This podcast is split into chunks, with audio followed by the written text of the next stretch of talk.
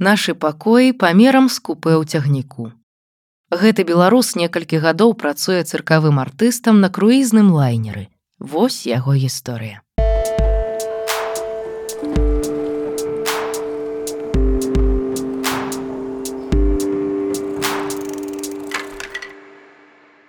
Некалькі гадоў таму міша трапіў на лайнер, каб працаваць там цыркавым артыстам. На круізным караблі хлопец выступае з уласнай праграмай. Глытае шпагі, танчыць на пілоне круціцца на абручы. Папрасілі яго расказаць пра сваё марское жыццё. Міша родам з пінска. Там ён скончыў каледж мастацтваў, а потым пераехаў у мінск, каб вучыцца ў інстытуце культуры. У канцы 2018 года хлопец практычна выпадкова трапіў на круізны карабель. З таго часу ён працуе на лайнерах, дзе ўдзельнічае ў забаўляльных шоу з уласнай праграмай. Выконвае гімнастычныя элементы на спецыяльным кольцы, танчыць на пілоне і глытае шпагі. В індустрыі мастацтва і забаў ёсць дастаткова шмат напрамкаў для працы. Некаторыя артысты застаюцца ў Беларусі, іншыя едуць на заробкі ў Кітай, нехта выбірае Турцыю. У цэлым выбраць можна ўсё, што душы трэба. Шоу на круізным караблі яшчэ адна пазіцыя, куды можна ўладкавацца. Я не памятаю дакладна, як убачыў навіну пра набор людзей на лайнер. Магчыма, мне нехта скінуў вакансію, а можа быць, я сам яе знайшоў у фэйсбуку. У любым выпадку я просто скінуў сваё рэзюме, адправіў некалькі фота і відэа, так і трапіў на свой першы карабель. Прычына, па якой я абраў менавіта лайнеры, даволі простая і банальная. Хто першы прапанаваў месца, да таго я і пайшоў. На той момант я актыўна адгукаўся на ўсе даступныя варыянты. Агент з карабля аказаўся самым хуткім, таму неўзабаве ў мяне ўжо былі на руках білеты і кантракт на чатыры месяцы працы. Першы мой круіз быў на італьянскім караблі. Мы крыху пабылі ў Еўропе, а затым паплылі праз акіян у Бразілію. Другі кантракт быў больш цікавым. Тады наш маршрут праходзіў у асноўным па паўночнай Амерыцы, плылі праз Мексіку ў бок Бразіліі. Цяпер я больш працую на еўрапейскіх лайнерах, якія ходзяць кругамі паблізу Іспаніі, Італіі, а потым накіроўваюцца ў бок Геррманіі. Аб працоўных буднях артыста. Мая руціна залежыць ад таго, прычаліваем мы ці не. Раней я быў танцорам балета, адпаведна працаваў у групе. Цяпер я больш выступаю як сола-артыст. Гэта дазваляе мне быць мабільным, таму што мне не трэба падладжвацца пад іншых удзельнікаў. У мяне ёсць два асноўныя распарадкі дня ў залежнасці ад таго, знаходзіцца карабель у порце ці плыве ў адкрытым моры. Калі мы прышвартаваны, звычайна я ўстаю рана, снедаю і адпраўляюся на шпацыр па горадзе. Часта выбіраю месцы, дзе можна пасядзець, адпачыць. Інтэрнэт на караблі павольны і дарагі. Тры гігабайты каштуюць прыкладна 10 еўра. Таму часта я лаўлю яго недзе на сушы. Калі мы цэлы дзень знаходзімся ў адкрытым моры і карабель не прычальвае, руціна становіцца крыху іншай. Пасля сняданку я звычайна праводжу першую палову дня у сваёй каюце. Гэта час, калі можна расслабіцца і пачытаць кнігу. Затым трэніроўка ў спартыўнай зале. На яе звычайна патрэбна каля дзвюх гадзін. Потым у нас перапынак на ежу рэпетыцыя і само шоу. Выступленні бываюць рознымі.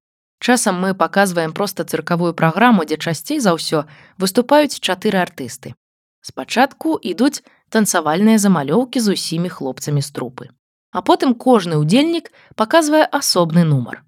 Я працую ў трох жанрах. Кручуся на коле сіра, Гэта вялікае металічнае кольца дыяметрам каля двух метраў з ручкамі або парэнчамі ў сярэдзіне. Выконваю акрабатычныя элементы на кітайскім пілоне і глытаю шпагі. Усе часткі свайго выступу я люблю па-свойму. Мусіць, больш за ўсё мне падабаецца выконваць трук са шпагамі. У ім падключаецца больш артыстызму. Там трэба чапляць гледачоў харызмай, а не толькі тваёй фізічнай падрыхтоўкай. Шоу нам ставяць прафесійныя харэографы. Перад тым, як трапіць на карабель усе ўдзельнікі пастаноўкі сабраліся ў Берліне, дзе мы вучылі звязкі і рэпетавалі іх. Пасля ўжо праганялі іх на сцэне тэатра. Як выглядае побыт на караблі? Каюта памерам з купе ў цягніку. Па сваёй сутнасці лайнер гэта гатэль на моры. Пасажыры бываюць рознымі. Часцей за ўсё гэта еўрапейскія пенсіянеры, часам сустракаюцца сямейныя пары з дзецьмі. З іншага боку ёсць рэйсы і для моладзі. Праўда, я на такіх не працаваў. Што тычыцца стэрэатыпу, што круіз гэта забаўка толькі для багатых, то тут усё адносна. Існуюць каюты з розным сервісам. Напрыклад, на нашым судне ёсць віп-ложы. Пасажыры гэтага класа плацяць значна больш, затое ўсюды яны праходзяць без чаргі, і выгляд з іх кают прыкладна такі ж, як у капітана карабля ў яго рубцы. Таксама ў іх ёсць асобны рэстаран і ліфт. Звычайна на караблі знаходзіцца каля трох-чатырох тысяч пасажыраў, акрамя працаўнікоў. Тых, хто займаецца сервісам на лайнеры яшчэ каля палутара тысяч. Унутры ўсё зроблена для забавы пасажыраў. Тут практычна ў любы час сутак ёсць чым заняцца вялікая колькасць рэстаранаў і бараў, спа, адкрытыя і закрытыя басейны, трэнажорныя залы, некалькі спартыўных кортаў, латарэі, тэатр. На лайнеры ёсць нават дзіцячы садок, куды бацькі могуць адвесці сваё дзіця і спакойна гуляць без яго. Калі карабель прычальвае ў порт, то для гасцей ёсць вялізная колькасць экскурсій з нашымі гідамі. Пры гэтым у пасажыраў заўсёды ёсць выбар. Яны могуць адправіцца даследаваць горад самастойна. На сваім першым караблі я адпрацаваў два гады. Там я дзяліў каюту з яшчэ адным артыстам. Наш пакой па памеры быў прыкладна як паўтара купе ў звычайным цягніку. Два аднамесныя ложкі, шафа і сумесны душ з прыбіральняй. Цяпер я жыву ў пакоі адзін. На гэты раз ён большы памерам з два купе. Тут ужо ёсць стол, двухспальны ложак, тэлевізор, ванны пакой. Для кают супрацоўнікаў выдзелены асобны паверх. У нас ёсць сталовая, кавярня, бар, зона для адпачынку. Мы можам наведваць практычна ўсе зоны, што і пасажыры. Напрыклад, разам з гасцямі карабля трэнавацца ў спартзале. Пры такой працы дастаткова складана ладзіць асабістае жыццё. У мінску ў мяне ёсць дзяўчына, якая чакае мяне з усіх маіх паездак. Цяпер кампанія, у якой я працую, дае магчымасць прыязджаць на карабель членам сем'яў экіпажа або партнёрам. Такія ўмовы дапамагаюць падтрымліваць адносіны. Пра шторм і адчуванне на караблі. Марская хвароба узнікае ва ўсіх. Тое, што ты знаходзішся на вадзе, а не на сушы, вядома, адчуваецца. У шторм лайнер трапляе досыць рэдка. За чатыры гады працы я заспеў яго толькі адзін раз. Звычайна маршрут турыстычных круізаў ствараецца такім чынам, што мы не выходзім далёка ў адкрытае мора а плаваем уздоўж берага. Акрамя таго, сучасныя караблі дастаткова складана разгайдаць. Яны ў некалькі разоў больш буйныя і надзейныя, чым знакаміты тытанік.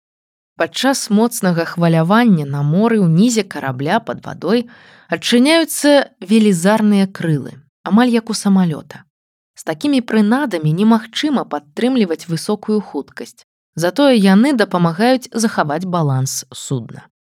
Калі карабель усё ж трапляе ў шторм, капітан карабля па гучнай сувязі адразу папярэджвае ўсіх і раіць зачыніць усе шафы, каб нічога не лятала па каюце. Марская хвароба падчас моцнай гайданкі ўзнікае ва ўсіх. Магчыма, з часам яна знікае, але я пакуль усё яшчэ адчуваю. Са складанасцей не ва ўсіх каютах ёсць вокны. Напрыклад, у маёй іх няма. Таму важна кожны дзень выходзіць на палубу, каб убачыць сонечнае святло. Пра цяжкасці марскога жыцця. Неяк я плаваў без перапынку 11 месяцаў. Апошнія з іх былі пакутай. Першае маё плаванне заняло чатыры месяцы. Наступнае 11. Гэта выйшла выпадкова. Першапачаткова кантракт быў на паўгода. Пасля мне проста прапанавалі яго падоўжыць. Я пагадзіўся. Асаблівай стомленасці я не адчуваў, тым больш грэла думка аб прыстойным заробку. Самае цяжкае пачалося на шосты месяц плавання. Гэта толькі з першага погляду падаецца, што ўсе парты аднолькава цікавыя. Па факце яны новыя толькі для пасажыраў карабля. Экіпаж жа ездзіць па адным і тым жа маршруце. У нейкі момант пачынае надакучваць ежа. Тут працуе такі ж прынцып, як і з бухтамі. Стравы кожны дзень розныя толькі для пасажыраў, якія знаходзяцца на лайнеры ўсяго тыдзень. Для мяне ж гэта ўсё паўтараецца. Таму ў нейкі момант знікае апетыт. моцна адбівалася на запашаная стомленасць. Памятаю, што ў мяне ўзнікла дыхавіца ўжо на моманце размінкі. У мяне былі выхадныя, але іх усё роўна не хапала для аднаўлення.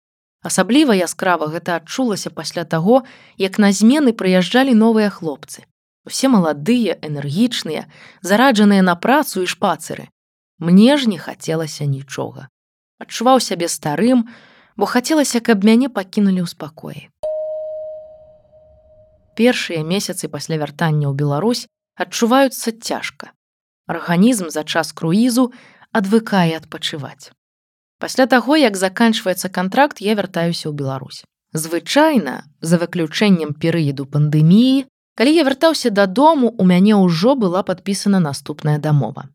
Перапынкі паміж паездкамі могуць быць рознымі, але, як правіла, цягнуцца яны літаральна некалькі месяцаў. Першы час дома арганізм увечары не разумее, чаму мы не працуем, а ляжым на канапе.